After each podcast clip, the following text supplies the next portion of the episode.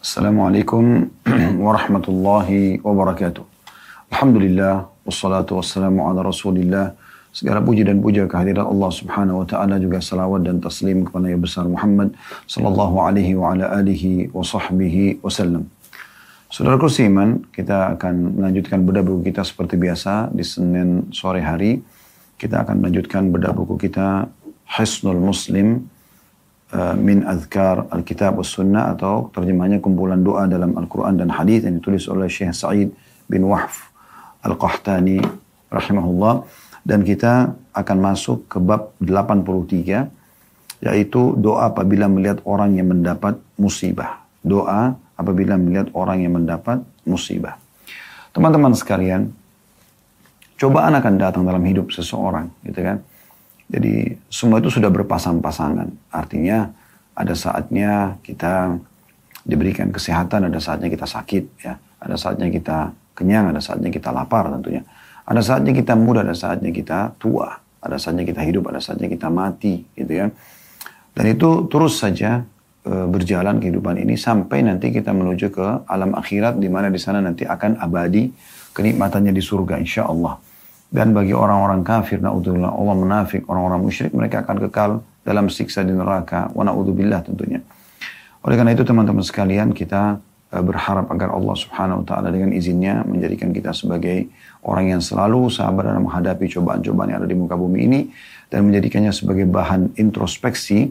Kemudian juga kita berharap dibalas dengan surga di akhirat nanti. Allahumma amin. Dan tentu Eh, kita juga mendoakan agar orang-orang yang belum bisa memahami atau mendapatkan hidayah Islam, semoga Allah berikan hidayah agar mereka masuk dalam Islam dan sehingga mereka juga punya panduan hidup sebagaimana kita dan terselamatkan dari api neraka di akhirat nanti. Allahumma amin. Baik teman-teman sekalian, musibah yang sedang menimpa seseorang itu harusnya menjadi bahan introspeksi kita. Artinya, Alhamdulillah tidak terjadi pada diri kita. Tapi tentu setiap saat bisa terjadi pada kita juga gitu ya. Tapi di saat kita sedang melihat seseorang yang ditimpa musibah, kemudian tidak ada pada kita, dari penyakit, kekurangan harta, ditipu orang, eh, kehilangan orang yang sedang dicintai, walaupun sekali lagi itu bisa terjadi pada kita setiap saat ya. Namun di saat sedang terjadi pada orang yang tidak terjadi pada kita, kita disunnahkan membaca doa yang akan kita bacakan sebentar lagi.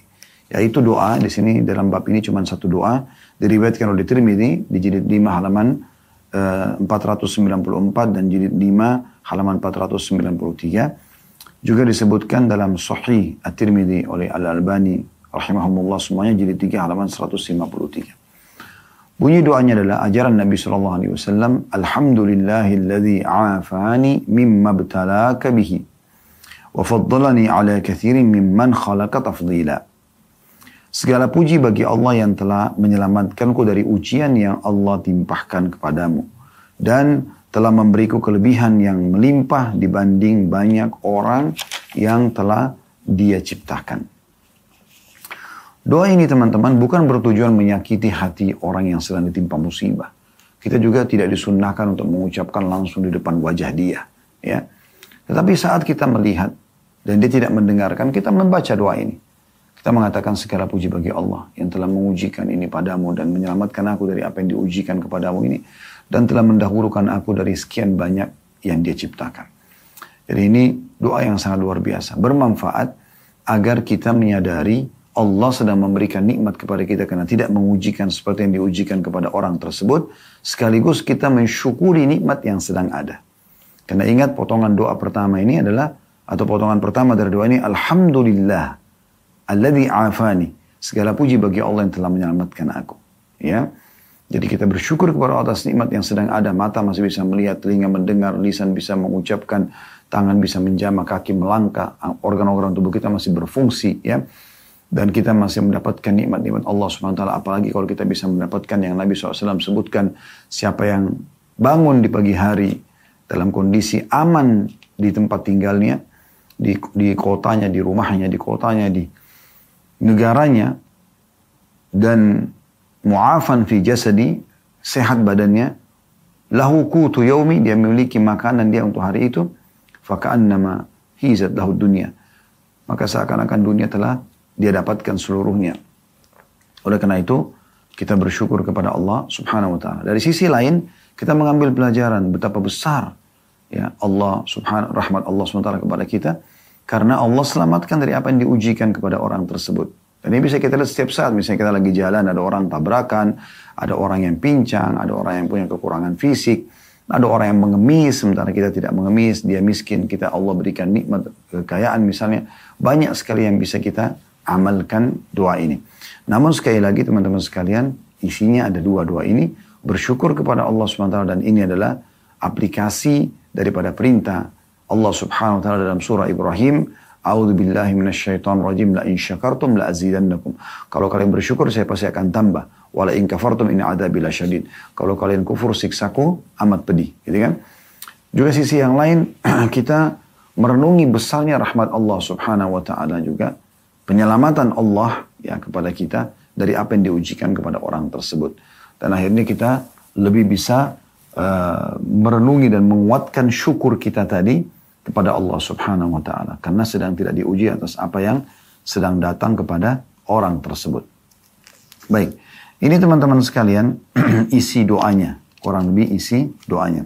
Dari doa ini kita ambil banyak sekali pelajaran. Pertama perintah untuk syukur dan ini adalah kata kunci nikmat itu bertambah. Kemudian yang kedua, kita menyadari adanya ujian-ujian Allah yang akan datang kepada hamba-hambanya. Nanti akan kita rincikan lebih dalam sebentar insya Allah.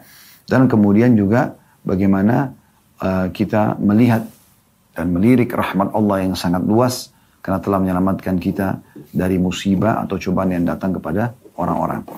Baik teman-teman sekalian, kita akan coba rincikan ada namanya ujian yang akan datang kepada setiap individu. Ya, ini Anda bisa lihat dalam surah Al-Baqarah. Ya. Surah Al-Baqarah, surah nomor 2, di 155-nya saya bacakan, A'udhu billahi rajim. ولنبلونكم بشيء من الخوف والجوع ونقص من الأموال والأنفس والثمرات وبشر الصابرين Sungguh kami akan beri cobaan kepadamu. Maksudnya setiap individu kita akan diuji seperti ini. Tidak ada yang lolos dari sini. Ya, Pasti dia akan rasakan ini semua. Muslim atau orang kafir. Kami akan uji kalian kata Allah dengan sedikit ketakutan. Kekhawatiran. Kelaparan.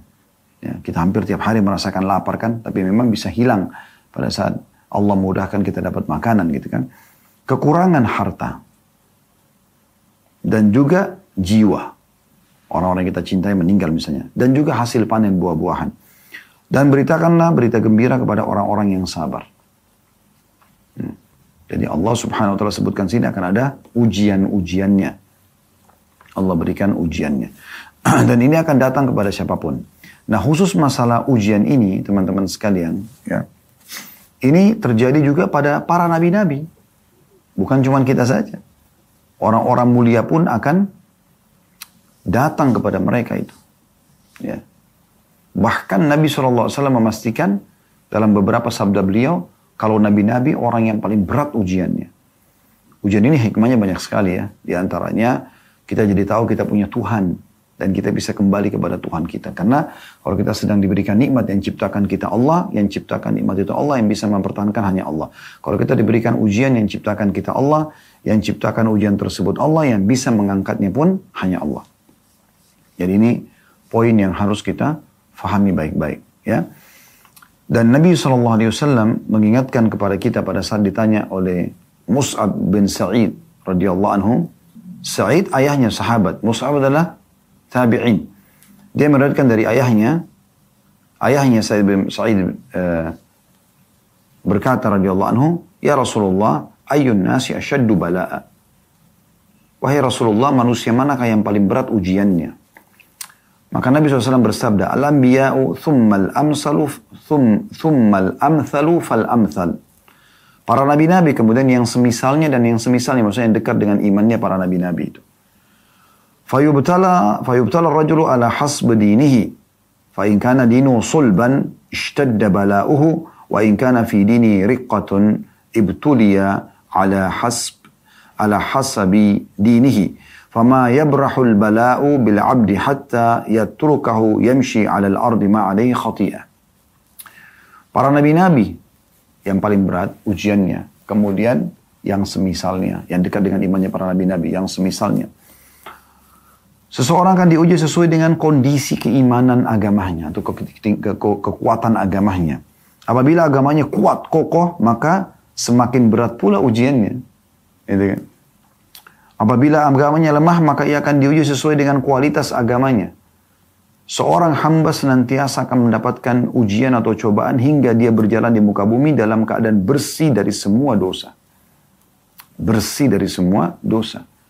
Mungkin Anda dibisikkan oleh syaitan mengatakan, kalau begitu tidak enak menjadi orang yang kuat imannya karena ujiannya berat. Fahami dulu teman-teman sekalian. Ujian ini bukan siksaan. Bukan siksaan tapi bentuk kasih sayang Allah kepada dia. Contoh misal sakit. Mungkin kalau orang-orang yang lemah imannya sembuh dalam tiga hari, orang beriman mungkin bisa sampai lima hari, enam hari. Sehingga dia lebih banyak mendapatkan pahala dan juga lebih memangkas waktu umurnya dalam ketaatan. Karena orang kalau sedang dalam keadaan cobaan, ujian, tertutup sekali pintu maksiat kepada dia. Ya. Artinya orang kalau lagi sakit, diajak ke diskotik, ke bar, dia akan mau pergi karena lagi sakit gitu kan. Kalau dia orang beriman, dia akan sibuk malah beribadah kepada Allah subhanahu wa ta'ala. Terlebih lagi itu juga akan jadi pembersihan dosanya sebagaimana akan kita jelaskan nanti insya Allah. Dan juga bisa membuat dia lebih dekat kepada Allah subhanahu wa ta'ala. Karena orang kalau sedang ada musibah, ada cobaan, itu lebih mudah untuk khusyuk, lebih mudah untuk menangis misalnya ya. Eh, lebih mudah untuk uh, apa namanya fokus dalam berdoa. Karena dia sedang mohon diberikan jalan keluar kepada oleh oleh, oleh Allah swt gitu kan? Disembuhkan penyakitnya dilunasi utangnya diselamatkan dari mara bahaya yang sedang ada pada dia. Kenikmatan berdoa di saat itu itu nggak mudah untuk didapatkan. Coba anda renungi mungkin pernah anda dapat satu cobaan kemudian anda sedang berdoa pada Allah swt minta agar diselamatkan. Anda khusyuk anda segala macam konsentrasi.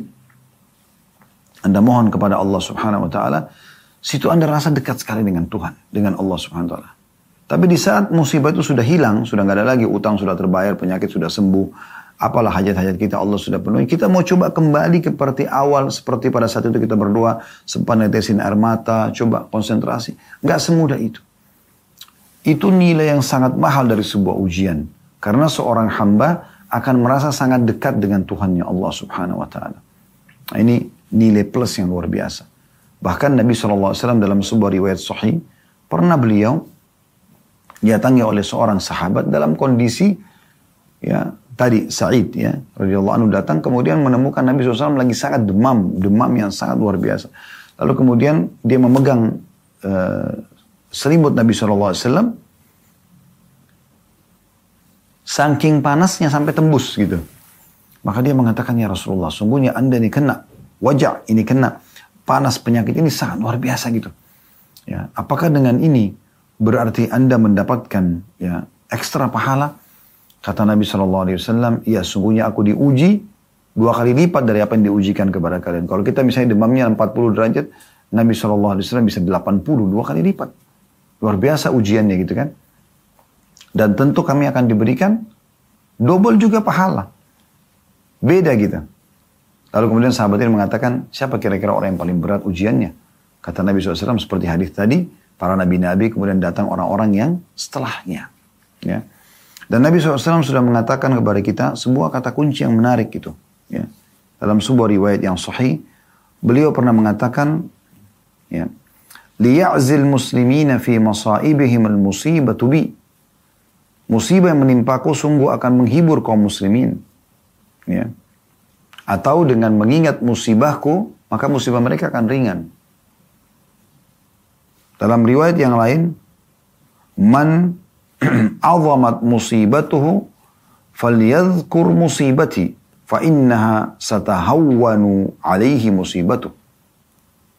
Siapa saja yang terasa, merasa berat ketika menghadapi sebuah musibah atau ujian, maka ingatlah musibah yang menimpahku. Ia akan merasa ringan menghadapi musibah tersebut. Ya. Artinya, kita coba lihat bagaimana Nabi SAW dikaruniahi tiga anak laki-laki. Qasim yang pertama, Abdullah yang kedua, dan kemudian Ibrahim yang ketiga. Siapa di antara kita teman-teman sekalian pernah mendapatkan tiga anak laki-laki yang Anda harapkan menjadi generasi penerus Anda nanti wafat semuanya. Baru lahir beberapa waktu meninggal. Qasim. Dijulukannya Abul Qasim alaihi salatu wassalam. Kemudian lahir Abdullah juga meninggal. Kemudian setelah itu ini dari Khadijah ya. Kemudian dari yang lain istrinya Maria lahir Ibrahim juga wafat. Sampai waktu meninggal Ibrahim, Nabi SAW sempat tetesin air mata. Tapi apa yang beliau mengatakan, wahai Ibrahim, sesungguhnya kami sedih berpisah denganmu. Tapi lisan kami tidak akan mengucapkan kecuali yang Tuhan kami ridho. Ya, menerima cobaan tersebut. Jadi kalau ada orang yang meninggal anaknya, bagaimana dia pertemukan itu dengan musibahnya Nabi SAW di anak. Sangat berat. Beliau juga punya empat orang anak perempuan. Tiga itu meninggal di masa hidupnya beliau SAW. Walaupun sudah dewasa ya. Meninggal Ruqayyah, Ummu Kalthum, dan juga Zainab di masa hidup Nabi SAW. Beliau punya cucu dari Zainab, ya Umamah, meninggal juga masih bayi di masa Nabi SAW. Kekasih tercinta beliau Nabi SAW istrinya, ya Khadijah radhiyallahu anha yang banyak berkorban dalam agama yang dijamin surga kena pelayanan yang luar biasa kepada baginda Nabi SAW juga wafat di masa hidup beliau sampai dikenal dengan Amul Huzun tahun kesedihan. Jadi istri beliau meninggal di masa hidup beliau. Ya. Anak-anaknya laki-laki tiga orang meninggal semua masih kecil. Anak perempuannya ya empat orang tiga orang meninggal semua di masa hidup beliau Wasallam. Cucunya juga meninggal di masa hidup beliau Wasallam. Orang-orang terdekat yang beliau cintai dari kerabatnya. Meninggalnya Hamzah sampai Nabi SAW sempat menangis Ishak. Maksudnya menangis sedih pada saat melihat jenazahnya Hamzah yang dimutilasi di perang Uhud. Ya. Uh, kemudian juga ya, sahabat-sahabat beliau ya, yang mulia cukup banyak yang meninggal di masa hidup beliau Sallallahu Alaihi Wasallam. Ujian-ujian yang lain, beliau seorang nabi, orang yang sempurna secara fisik, orang yang sempurna secara akhlak, orang yang punya kedudukan di kaumnya gitu kan. Tapi subhanallah ya, subhanallah tetap saja waktu beliau berdakwah dianggap pembohong, pendusta. Ujiannya berat. Padahal sudah jujur. Ini jawaban jelas untuk para dai, para ulama. Anda jangan berpikir, oh jadi dai itu enak, terkenal, orang semua mendengar hormat. Terus tidak ada ujiannya. Nggak mungkin. Anda akan ditolak.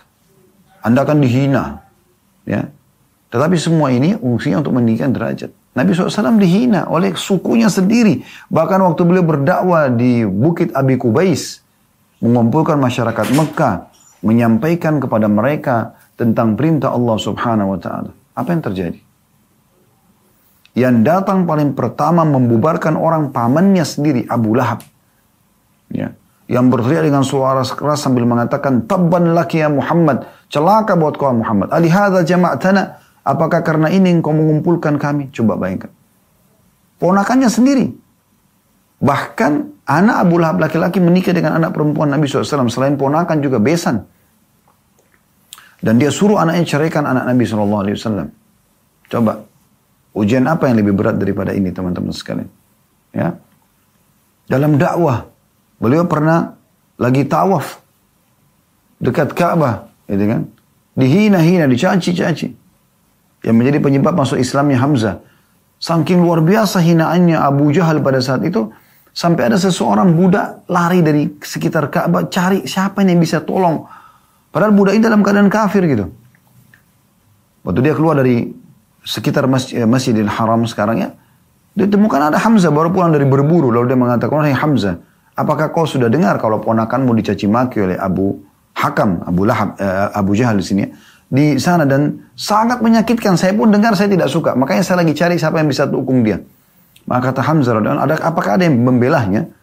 Dia mengatakan tidak ada. Hamzah langsung datang dengan izin Allah Allah gerakkan. Masih dalam keadaan kafir pada saat itu, langsung mendatangi majelisnya Abu Jahal, lalu kemudian memukul kepala Abu Jahal dengan ya, ya apa namanya busur panahnya sampai bocor ya berdarah kepalanya gitu dan menantang orang-orang di sekitarnya sampai mau melawan dia gitu.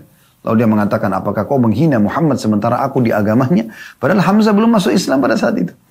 Sampai waktu Hamzah pulang, Hamzah bingung gitu. Dia mengatakan, ya Allah, memang mereka orang Mekah yakin ada Tuhan namanya Allah, tapi belum, mereka masih syirik menyembah Allah dengan juga menyembah patung-patung yang ada di sekitar Ka'bah. Maka dia mengatakan, aku sudah malu dengan perkataanku, aku bingung. Apakah aku harus mengikuti sekarang ajarannya Muhammad atau aku tetap dengan agama nenek moyangku? Kalau dengan agama nenek moyangku, aku malu. Aku sudah mengatakan di agama Muhammad. Kalau aku tidak masuk agama Muhammad juga, aku sudah terlanjur ucapkan. Tunjukkan aku yang benar. Maka hatinya lunak untuk masuk Islam. Gitu ya. Tapi Nabi SAW waktu itu dihina.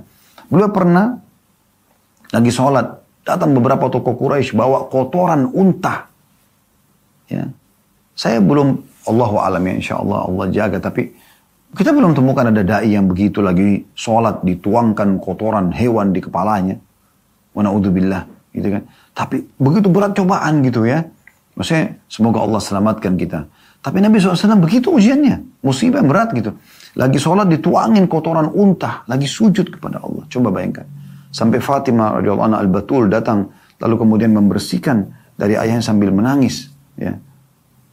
Pernah juga dikeroyokin Nabi SAW oleh pemuda-pemuda Quraisy. Maka Abu Bakar datang, lalu kemudian membela Nabi SAW sambil mengatakan, turun rajulan an yakul Rabbi Allah." Apakah kalian mau membunuh seseorang yang hanya mengatakan Tuhanku Allah? Padahal kalian sendiri yakin Ka'bah juga ini. Tuhannya namanya Allah. Gitu. Kan. Cobaan demi cobaan, ujian demi cobaan. Pernah beliau sudah lihat 10, hampir 10 tahun ditolak dakwanya di Mekah. Orang-orang Quraisy buat peraturan-peraturan yang sangat ketat. Siapa pun yang tanya tentang Nabi SAW dan Muslimin digebukin. Nanya aja nggak boleh. Jadi nggak ada orang nanya, nggak ada orang mau tahu. Sehingga dakwah betul-betul 13 tahun tidak bisa berkembang. Coba bayangkan. Padahal mereka sampaikan kebenaran. Allah berfirman, beliau juga bersabda SAW, beliau sampaikan kebenaran agar meninggalkan kesyirikan. Ya. Beriman kepada Allah subhanahu wa ta'ala. Maka pada saat itu beliau pun ambil inisiatif, ya, untuk pergi ke kota Taif. Pada saat tiba di kota Taif, subhanallah, ya. Sebelum tiba di sana, pamannya Abu Jahal, Abu Lahab sudah pergi duluan dan menyampaikan kepada tokoh-tokoh Quraisy di sana. Kalau nanti akan datang seseorang namanya Muhammad itu ponakanku, aku lebih kenal. Dia penyihir, jangan didengar. Dia bisa memisahkan antara suami istri A, B, C, dan segala macam masalah disebut. Sehingga pada saat Nabi SAW datang, ditolak. Lagi datang berdua saja dengan seorang sahabat, datang ke sana. Lalu kemudian ditolak, mentah-mentah. Tidak juga sampai situ. Pemimpin-pemimpin kota Taif waktu itu ada tiga orang bersaudara, adik kakak semuanya. Memerintahkan masyarakatnya untuk melempari kaki Nabi SAW. Jadi setiap kaki Nabi SAW yang diangkat dilempar batu. Sehingga pada saat diturunkan sakit. Yang diangkat satu lagi dilempar lagi. Bayangkan hampir satu kota lemparin. Sampai beliau keluar dalam kondisi berdarah-darah. Alaihi salatu wassalam. Setelah itu keluar dari pintu gerbang kota Taif. Ditutup pintu gerbangnya. Sangat dihinakan. Nabi SAW duduk di bawah sebuah pohon. Kemudian melihat, melihat ke langit lalu mengatakan, Ya Allah, ke arah mana engkau akan arahkan hidupku?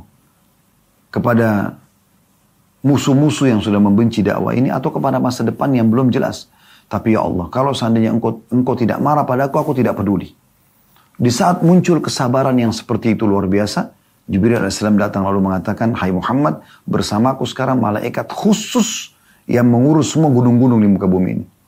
Tinggal kau titahkan, dia akan menyatukan dua gunung kota ini, Mekah sama Taif. Hancur semuanya. Dan dakwamu akan menyebar. Atau opsi lainnya, kau bersabar, dakwamu juga akan tersebar. Maka kata Nabi SAW, aku bersabar. Coba, luar biasa gitu. Orang sudah sakitin, dia masih bisa bersabar, Sallallahu Alaihi Wasallam. Dia mengatakan, aku akan bersabar. Aku akan bersabar. Semoga saja dari keturunan mereka keluar orang yang beriman kepada Allah. Subhanallah, dua ini mustajab. Dari Abu Jahal keluar Ikrimah bin Abi Jahal radhiyallahu anhu sahabat Nabi yang masuk Islam pembebasan kota Mekah bersama istrinya dan dia mati syahid di perang Yarmuk coba bayangkan. Ya. Kemudian lahir dari Umayyah bin Khalaf Safwan masuk Islam juga. Ya. Kemudian lahir juga ya dari musuh-musuh Islam seperti Al-Wa'il Wa'il, Wa'il bin As, ada Amru bin uh, Al-As bin Wa'il, lahir Amru bin As, gitu kan. Jadi banyak dari orang-orang tokoh-tokoh Mekah yang kufur, hanya anak-anaknya beriman kepada Allah subhanahu wa ta'ala dan Rasulnya Muhammad sallallahu alaihi wasallam. Dari kota Taif keluar juga sahabat yang mulia Abdurrahman bin Sakhr, punya julukan Abu Hurairah radhiyallahu hafal hadis yang paling banyak dari kalangan laki-laki muslimin gitu kan. Subhanallah, beliau keluar dari kota Taif, dari suku Daus, ya. Dan sekian banyak gitu kan orang-orang yang beriman dari dua kota ini. Itu kesabaran beliau dalam berdakwah. Di kota Madinah setelah punya kekuatan, punya kerajaan. Nabi SAW jadi nabi. Jadi raja, pemimpin di Madinah. Hukum Allah berlaku di Madinah. Masih juga disakiti oleh orang-orang munafik. Apa yang Nabi SAW titahkan, mereka selalu ucapkan berbeda dengan itu. Nabi ajak peperangan, untuk apa pergi berperang? Di perang Uhud mereka berkhianat 300 orang, mereka pulang tinggalkan pasukan muslimin. Ya kan? Dipimpin oleh Ibn Abi Salul, pemimpin mereka yang masyhur gitu. Kemudian juga di perang Khandak, ya, Nabi SAW ajak laki-laki untuk menggali Khandak, mereka tidak mau ikut. Ya. Waktu Nabi SAW janjikan akan ada kemenangan, Allah janjikan pada saat di Khandak, mereka mengatakan Muhammad ini sudah gila. Ya, ini perkataan mereka, wa na'udzubillah. Ya, sallallahu alaihi wasallam mulia beliau. Tidak mungkin kita akan ucapkan kalimat seperti ini. Tentunya sebagai orang beriman. Maka mereka mengatakan Muhammad sudah gila. Bagaimana dia mengatakan ya kita bisa uh, apa namanya selamat? Uh, atau mereka mengatakan begini, mohon maaf, saya ralat, mungkin saya keliru dalam masalah ini, tapi uh, mereka mengatakan Muhammad bisa mengucapkan perkataan itu sementara seseorang di antara kita. Belum bisa ada ya, keamanan dia buang air kecil atau buang air besar? Gitu. Mereka tidak yakin, tapi betul Allah SWT membuktikan kebenaran mujizat Nabi SAW. Mereka membuat fitnah, kisah ifk, memfitnah Ummul Mukminin Aisyah radhiyallahu anha berzina dengan Safwan radhiyallahu anhu. Yang Nabi SAW disakiti pada saat itu. Luar biasa. Istrinya seorang raja, seorang nabi digosipkan berzina. Coba. Dan wahyu terputus pada saat itu. Belum turun, seingat saya sekitar sebulan gitu. Coba bayangkan, musibah yang luar biasa gitu. Cobaan yang luar biasa gitu. Namun Nabi SAW sabar. Gitu kan. Di peperangan, bagi yang ikut berperang, cobaan-cobaan datang. Di perang Uhud, beliau SAW berdarah. Giginya pecah, keningnya berdarah SAW. Ya, pundaknya dihantam oleh Ibnu Kami'ah dengan sebuah pedang yang beliau mengatakan saya masih merasakan sakitnya. Gitu kan, setelah peperangan beberapa waktu gitu. Tapi Nabi SAW sabar dalam masalah ini. Karena memang itu cobaan. Di saat ada nikmat, kita disuruh bersyukur. Di saat ada cobaan, kita disuruh bersabar. Dan Allah perintahkan kita agar menerima keduanya dengan timbangan yang sama. Maksudnya, saat nikmat melimpah kita syukur, saat cobaan datang kita bersabar. Harus sama ini, dua sayap kehidupan yang harus berimbang. Betul-betul saat cobaan sedang datang kita harus bersabar sesabar-sabarnya. Dan kita nikmati cobaan tersebut sambil minta jalan keluar dari Allah SWT dan ikhtiar. Sebagaimana kalau nikmat ada kita bersyukur. Dan tentu sebagai seorang muslim kita berpegang pada kalau ada cobaan datang. A'udzubillahi minasyaitonir fa inna ma'al usri yusra. Di ayat 6-nya ditekankan dengan harfut ta'kid inna inna ma'al usri yusra. Karena sungguhnya sesudah kesulitan pasti akan ada kemudahan. Allah akan berikan jalan terakhirnya, solusinya. Dan di ayat 5 ayat 6-nya, sesungguhnya sesudah kesulitan pasti akan ada kemudahan. Syekh Abdurrahman bin Nasir As-Sa'di rahimahullah seorang mufassir yang masyhur dari Jazirah Arab mengatakan kata al-usr atau kesulitan menggunakan alif lam menunjukkan umum ya, yaitu segala macam kesulitan semua masuk dalamnya. Hal itu menunjukkan bahwa bagaimanapun sulitnya, akhirnya akan ada kemudahan. Begitu maksudnya. Jadi al-usur sini bukan cuma kesulitan yang berat, yang kecil pun akan sama. Nah. Dan Nabi SAW memastikan dalam sebuah sabda beliau, anna ma'al usri usra. Pastikanlah setelah kesulitan akan ada kemudahan. Tapi di saat orang bisa menerima ujian tersebut, maka dia akan mendapatkan pahala. Ingat selalu statement Umar bin Khattab radhiyallahu anhu, beliau mengatakan kalau ada orang diberikan ujian, kemudian dia bersabar bisa menerima itu, maka dia akan ya mendapat pahala, dia akan mudah melaluinya karena dia tahu ini ada ajang pahala, dia akan jaga muridnya untuk berkeluh kesah. Ya, kemudian yang ketiga dia akan dapat solusi itu jalan keluarnya. Tapi kalau dia diberikan ujian dia tidak bisa menerima, maka dia akan mendapat dosa dari Allah karena dia memungkir dia dia dia uh, apa menolak cobaan Allah Subhanahu wa taala itu kemudian ya dia uh, sulit melaluinya karena penuh dengan keluh kesah dan tidak menemukan juga solusinya. Ya. Jadi kita harus sabar teman-teman Dan sabar ini bagian daripada keimanan ya. Bagian daripada keimanan. Dengarkan bagaimana Ali radhiyallahu anhu mengatakan as-sabru ma'al imani bimanzilatir ra's minal jasad. sabar itu ya di dalam jasad seseorang itu seperti kepala. Wala imana liman la sabra lahu. Dan tidak ada keimanan atau tidak nilai orang itu beriman jika ya, tidak memiliki kesabaran. Ya. Sesungguhnya cobaan-cobaan datangnya di awal saja. Innama sadmatu fil ulah kata Nabi SAW. Cobaan itu goncangnya itu di awal. Kalau kita sudah bisa bersabar, oh Allah lagi uji saya. Nah, kita terima sabar. Sebagaimana kalau nikmat tadi banyak kita bersyukur ya. Kita bersabar kita terima. Kemudian kita tetap ikhtiar cari jalan keluar. Karena orang kalau bersabar tetap ikhtiar cari jalan keluar gitu. Hudzaifah bin Yaman radhiyallahu anhu mengatakan, "Inna lam yakhluq syai'an qattun illa saghiran thumma yakbur." Ya. Atau thumma yakbar. Illa al-musibata fa innahu khalaqaha kabiratan thumma tasghur. Sesungguhnya Allah tidak menciptakan apa pun kecuali dimulai dari kecil, nanti dia membesar. Kecuali musibah. Allah ciptakan dia besar dulu, kemudian dia mengecil. Seperti itu. Jadi memang kalau kita bisa di awal itu kita bertahan, bersabar itu luar biasa. Itu poinnya. Dan ingat sabda Nabi SAW, Inna sabru inda sadmatil ula. Sesungguhnya sabar itu justru dinilai dari pukulan yang pertama. Memang begitu, pukulan yang pertama. Jadi dari awal saja. Ini gambaran tentang bagaimana kita menghadapi musibah. Karena cubi ujiannya, karena memang semua orang akan kena ujian-ujian ini. Yang tadi Al-Baqarah 155 itu. Pasti akan kena dia sih. Ya. Dan ini poin harus di garis bawahi tentunya. Baik teman-teman sekalian, uh, oleh karena itu orang-orang yang sabar, ya, itu akan diberikan balasan sangat besar. Anda bisa lihat dalam surah Az-Zumar, surah nomor 39 ayat 10. Ya. A'udhu billahi minasyaitonir rajim. Az-Zumar, surah nomor 39 ayat 10. Innama yuwaffal, innama yuwaffal sabirun ajran bighairi hisab. Sesungguhnya orang-orang yang sabar itu akan diberikan balasan tanpa ada batasannya. Gitu ya. Itu sedikit tambahan berhubungan dengan masalah ujian tadi. Nah kita ada lagi uh, poin yang perlu kita garis bawahi tentang masalah sebab-sebab ujian itu. Ada sebab ujian itu karena memang Allah ingin tinggikan derajatnya. Jadi tanpa sebab dia tiba-tiba diuji oleh Allah. Dia bangun tidur sakit gitu kan. Dia utangkan orang dari uang halal tapi ada orang yang telat bayar. Nah itu bisa saja murni ujian untuk meninggikan derajat dia.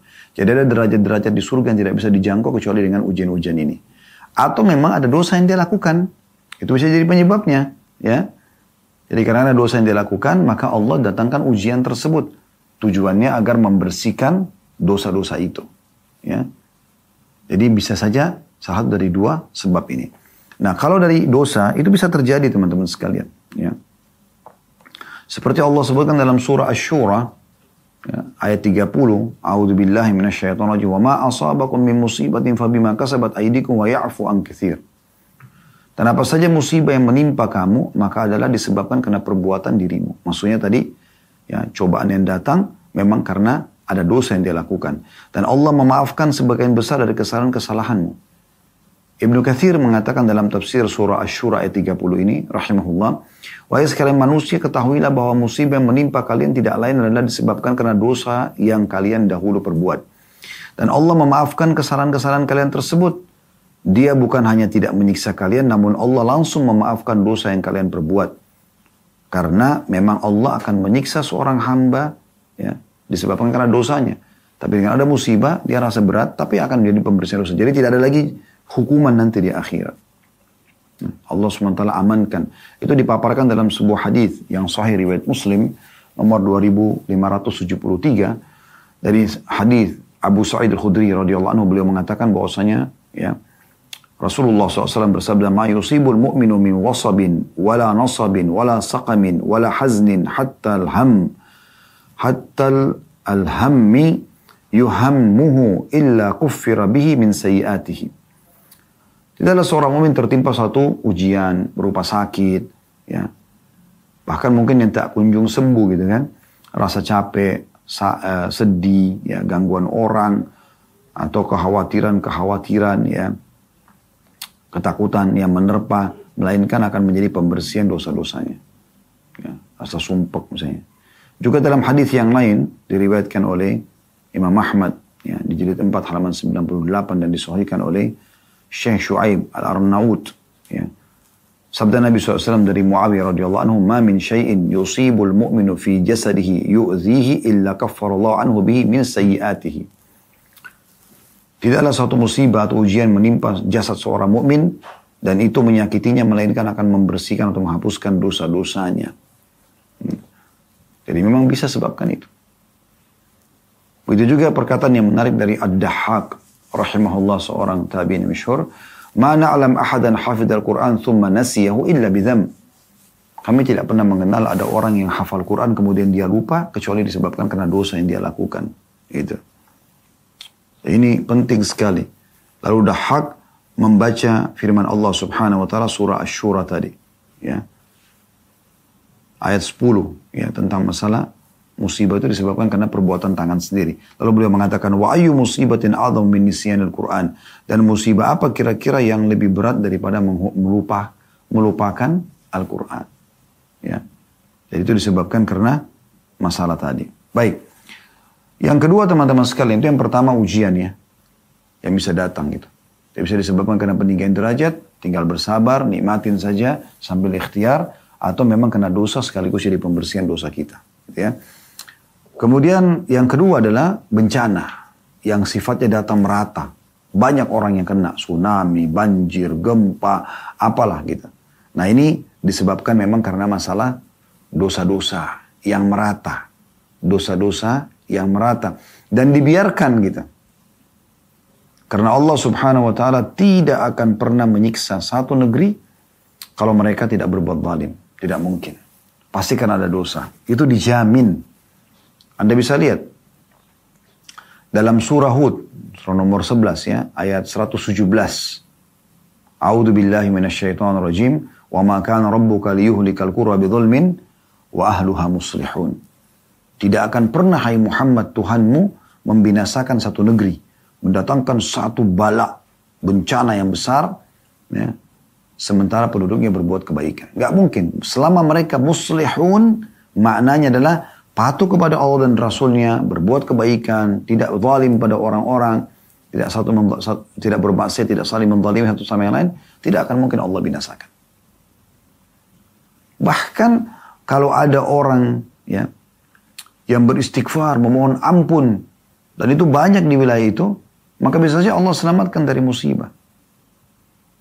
Waktu orang-orang Quraisy menantang Nabi SAW untuk datangkan hukuman Allah, Allah mengatakan, wa ma وَمَا كَانَ اللَّهُ لِيُعَذِّبُهُمْ وَهُمْ يَسْتَكْفِرُونَ Dan tidak mungkin Allah membinasakan mereka sementara mereka beristighfar. Rahmat Allah luas sekali gitu. Kemudian juga dalam surah Al-Qasas surah nomor 28 ayat 59. Coba dibuka dan dicatat baik-baik ya. Tadi surah Hud surah nomor 11 ayat 117.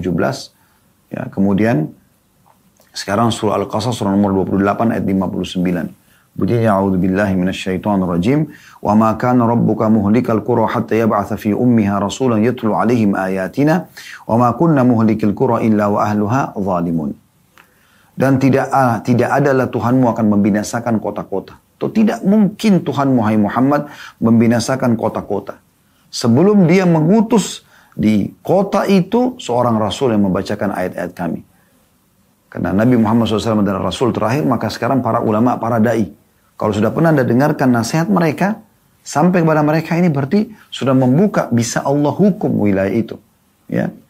Dan tidak mungkin Tuhan Muhammad membinasakan kota-kota atau negeri-negeri sebelum dia ya, mengutus D-nya besar kata ganti Allah ya. Dia mengutus di ibu kota itu seorang rasul yang membacakan ayat-ayat kami kepada mereka dan tidak pernah pula kami membinasakan kota-kota kecuali penduduknya dalam keadaan melakukan kezaliman. Gak mungkin. Udah jelas firman Allah subhanahu wa ta'ala. Ini bukan perkataan saya. Ya. Jadi jangan ada tersinggung dan mengatakan, oh berarti Ustaz ini singgung karena wilayah kami pernah kena uh, cobaan seperti ini. Jangan saya, Al-Quran yang berbicara. Kita harusnya jadikan bahan introspeksi diri. Anda tidak melakukan, mungkin orang-orang di sekitar Anda melakukan. Dan kalau kapan mayoritas orang sudah melakukan dan tidak ada yang mengingatkan, ini bahaya sekali. Ya, ini bahaya sekali. Kita tutup dengan uh, kisah tentang penduduk negeri Ilah ya. Anda bisa lihat Al-Arab surah nomor 7 ayat 163. Sampai beberapa ayat ke depan kita baca ya. Jadi saya perlu jelaskan dulu, ini ayat-ayat ini berbicara tentang sebuah wilayah namanya Ila. Ila, Ila ini uh, sekarang masuk wilayah Israel ya. Dulu dia memang antara Palestina dengan Mesir berbatasan ya. Uh, di situ dulu ada pernah penduduk dari Bani Israel yang dilarang memancing di hari Sabtu. Dikenal dengan Ashabus Sabt. Ya. Lalu Allah ubah mereka menjadi kerah gitu. Karena Allah kutuk lalu Allah binasakan setelah itu. Karena pada saat mereka dilarang mereka tetap melanggar. Tapi kita coba simak kisahnya. Seperti apa sih sebenarnya gitu kan. Apa ceritanya? Allah mengatakan di 163-nya. A'udhu billahi minasyaitanirrajim. Was'alhum 'anil qaryati allati kanat hadiratal bahri idh ya'duna fis sabt. إذ يعدون في السبت إذ تأتيهم حيطانهم يوم سبتهم شرعا ويوم لا يسبتون لا تأتيهم كذلك نبلوهم بما كانوا يفسقون dan tanyakanlah hai Muhammad kepada Bani Israel orang-orang Yahudi yang di Madinah pada saat itu tentang negeri yang terletak di dekat laut ketika mereka melanggar aturan pada hari Sabtu dilarang mancing gitu kan tapi apa yang terjadi terjadi jadi tiga golongan golongan yang pertama tetap mancing tapi caranya di mereka mau menipu Allah mereka pasang jala di malam Sabtunya, di hari Jumat malam, mereka biarin jala itu masuk ikan-ikan hari Sabtu, hari Ahad baru mereka panen. Ini ingin menipu Allah, dilarang. Tetamanya tetap mancing hari Sabtu kan. Gitu. Kemudian golongan kedua yang memungkiri itu mengatakan tidak boleh. Ini Allah larang. Mereka ingkar mungkar gitu. Golongan ketiga beriman juga. Tapi mereka bukan memberhentikan golongan pertama yang melanggar. Tapi mereka justru mengingatkan golongan kedua. Udahlah nggak usah nasihatin biarin aja itu Ya nafsi-nafsi sendiri-sendiri aja. Apa yang terjadi? Pada saat Allah datangkan hukumannya, yang kena adalah golongan pertama sama golongan ketiga. Golongan pertama memang pelanggar, maksiat. Tapi golongan ketiga ini beriman, cuman dia tidak menegakkan apa yang Allah perintahkan. Allah larang itu harus diingatkan. Tapi karena tidak diingatkan, maka mereka juga kena musibah itu. Allah mengatakan, dan tanyakan kepada Bani Israel tentang negeri yang terletak di dekat laut ketika mereka melanggar aturan hari Sabtu. Di waktu datang kepada mereka ikan-ikan yang berada di sekitar mereka terapung-apung di permukaan air di hari Sabtunya. Dan di hari-hari yang bukan Sabtu ikan-ikan itu tidak datang kepada mereka. Demikianlah kami menguji mereka disebabkan karena berbuat, karena mereka berbuat fasik. Jadi awalnya peringatan Allah biasa saja gitu. Sabtu nggak boleh mancing ya, udah selesai. Kalau dipatuhi kan selesai. Cuma ciri Bani Israel ini suka membangkang gitu. Anda tahu juga dengan tentang surah Al-Baqarah kan. Pada saat ada seseorang di antara mereka yang wafat, kemudian mereka datang kepada Musa AS minta agar diberikan petunjuk nih. Ya bagaimana kita bisa tahu pembunuhnya? Karena nggak jelas malam-malam dibunuh pagi hari kami temukan sudah tergeletak. Nggak ada CCTV zaman dulu gitu kan? Nggak ada media nggak ada bisa membantu lah untuk itu. Maka Nabi Musa alaihissalam diperintahkan oleh Allah untuk menyampaikan kepada mereka suruh sembelih sapi betina. Sapi Al-Baqarah kan surah Al-Baqarah tentang sapi betina. Ini sebab dinamakan surah itu Suruh sembeli, ambil potongan dagingnya, tepuk ke badannya orang mati itu, maka dia akan bicara siapa yang bunuh. Gak masuk akal kan? Tapi Allah ingin menguji iman mereka. Orang-orang beriman mau patuh, tapi orang-orang di antara mereka yang fasik, mereka mengatakan sapi apa, warnanya apa. Sampai akhirnya Allah persulit mereka. Tadinya kalau mereka potong sapi apa saja bisa. Tapi karena mereka tanya, banyak nanya akhirnya dipersulit. Sapi betina warnanya kuning kemas-kemasan tidak pernah dipakai membajak. Setiap orang lihat pasti suka. Sampai karena mereka mengatakan wa inna insya Allah dan semoga kami insya Allah muhtadun kami dapat petunjuk. Maka baru Allah kasih petunjuk mereka. Tapi suka begitu. Nah di sini juga begitu. Dilarang pancing hari Sabtu tetap saja mereka pancing hari Sabtu. Lalu Allah mengatakan. Dan hari Sabtu itu Allah uji. Allah datangkan ikan-ikan sampai mereka bisa pegang dengan tangan mereka ikan-ikan itu. Orang-orang beriman tidak akan sentuh. Tahu dilarang. Tetap walaupun ambil tidak boleh. Satu nampaknya. Wa idh qalat minhum lima ta'iduna Allah lima ta'iduna qauman illahu muhlikum aw 'adzaban.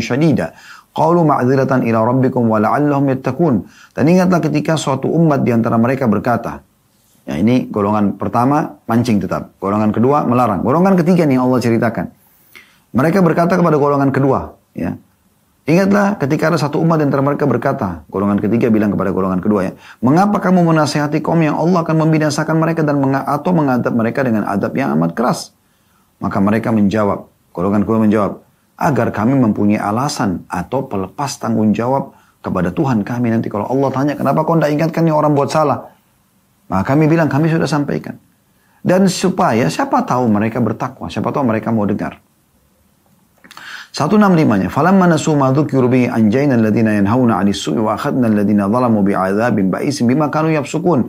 Dan tak kala mereka melupakan apa yang telah diperingatkan kepada mereka, enggak boleh mancing hari Sabtu. Hukumnya Allah begitu pada saat itu. Kami selamatkan orang-orang yang melarang dari perbuatan jahat, golongan kedua tadi, ya. Dan kami timpakan kepada orang-orang yang zalim siksa yang keras disebabkan mereka selalu berbuat fasik. Ya. Jadi golongan pertama sama golongan ketiga. Golongan pertama melanggar karena mancing tetap maksain Allah larang. Golongan ketiga karena tidak melarang mereka. Maka satu enam enamnya Allah mengatakan falamma atau amma nuhu anhu qulna lahum kunu kirratan khasin. Dan tak kala mereka bersikap sombong, tidak mau diberikan peringatan, maka ya, terhadap apa yang mereka larang, dilarang untuk mengerjakan, maka kami katakan jadilah kalian kera yang hina. Jadi oleh karena itu jangan sampai kita terjadi atau jangan sampai kita menjadi seperti kelompok ini. Intinya teman-teman sekalian kita kembali kepada bahasan kita. Cobaan itu akan datang ujian ya. Kalau individu itu umum seperti Ar-Baqarah 155 tadi dan sudah kita rincikan panjang lebar. Kalau bencana hanya datang kalau terjadi pelanggaran-pelanggaran agama yang dibiarkan dan tidak ada yang menegurnya. Dan sebagai penutup, sebelum pertanyaan sebuah hadis Bukhari Pernah Nabi, Nabi SAW mengatakan, bersabda SAW, pernah Allah mengutus Jibril ke satu negeri untuk menghancurkannya. Lalu Jibril kembali mengatakan, Ya Allah, sungguhnya di negeri itu ada hambamu fulan. Ada hambamu fulan orang soleh. Maka kata Allah SWT, mulai, mulai siksa dari dia. Kenapa? Karena dia tidak pernah menegakkan, tidak pernah amar ma'ruf, tidak pernah nahi mungkar, tidak pernah menyuruh pada kebaikan, tidak pernah melarang dari kemungkaran. Oleh karena itu kita harus menyampaikan. Masalah orang terima tidak terima urusan mereka. Masalah kita dicap dengan cap-cap yang kurang baik itu terserah. Tugas kita menyampaikan. Dan ingat, penolakan-penolakan terhadap dakwah, ya kita dihina oleh orang, uh, uh, apa namanya, kurangnya harta, kurangnya orang-orang yang kita cinta, hilangnya meninggalnya orang yang kita cinta itu semua ujian yang datang dan kita bersabar. Pasti ada hikmah Allah di belakang, itu semua Allahu a'lam. Kalau ada benar dari Allah, kalau ada salah dari saya, mohon dimaafkan. Subhanakallah bihamdika. Asyadu an la ilaha illa anta astaghfiruka wa atubu ilaik. Assalamualaikum warahmatullahi wabarakatuh.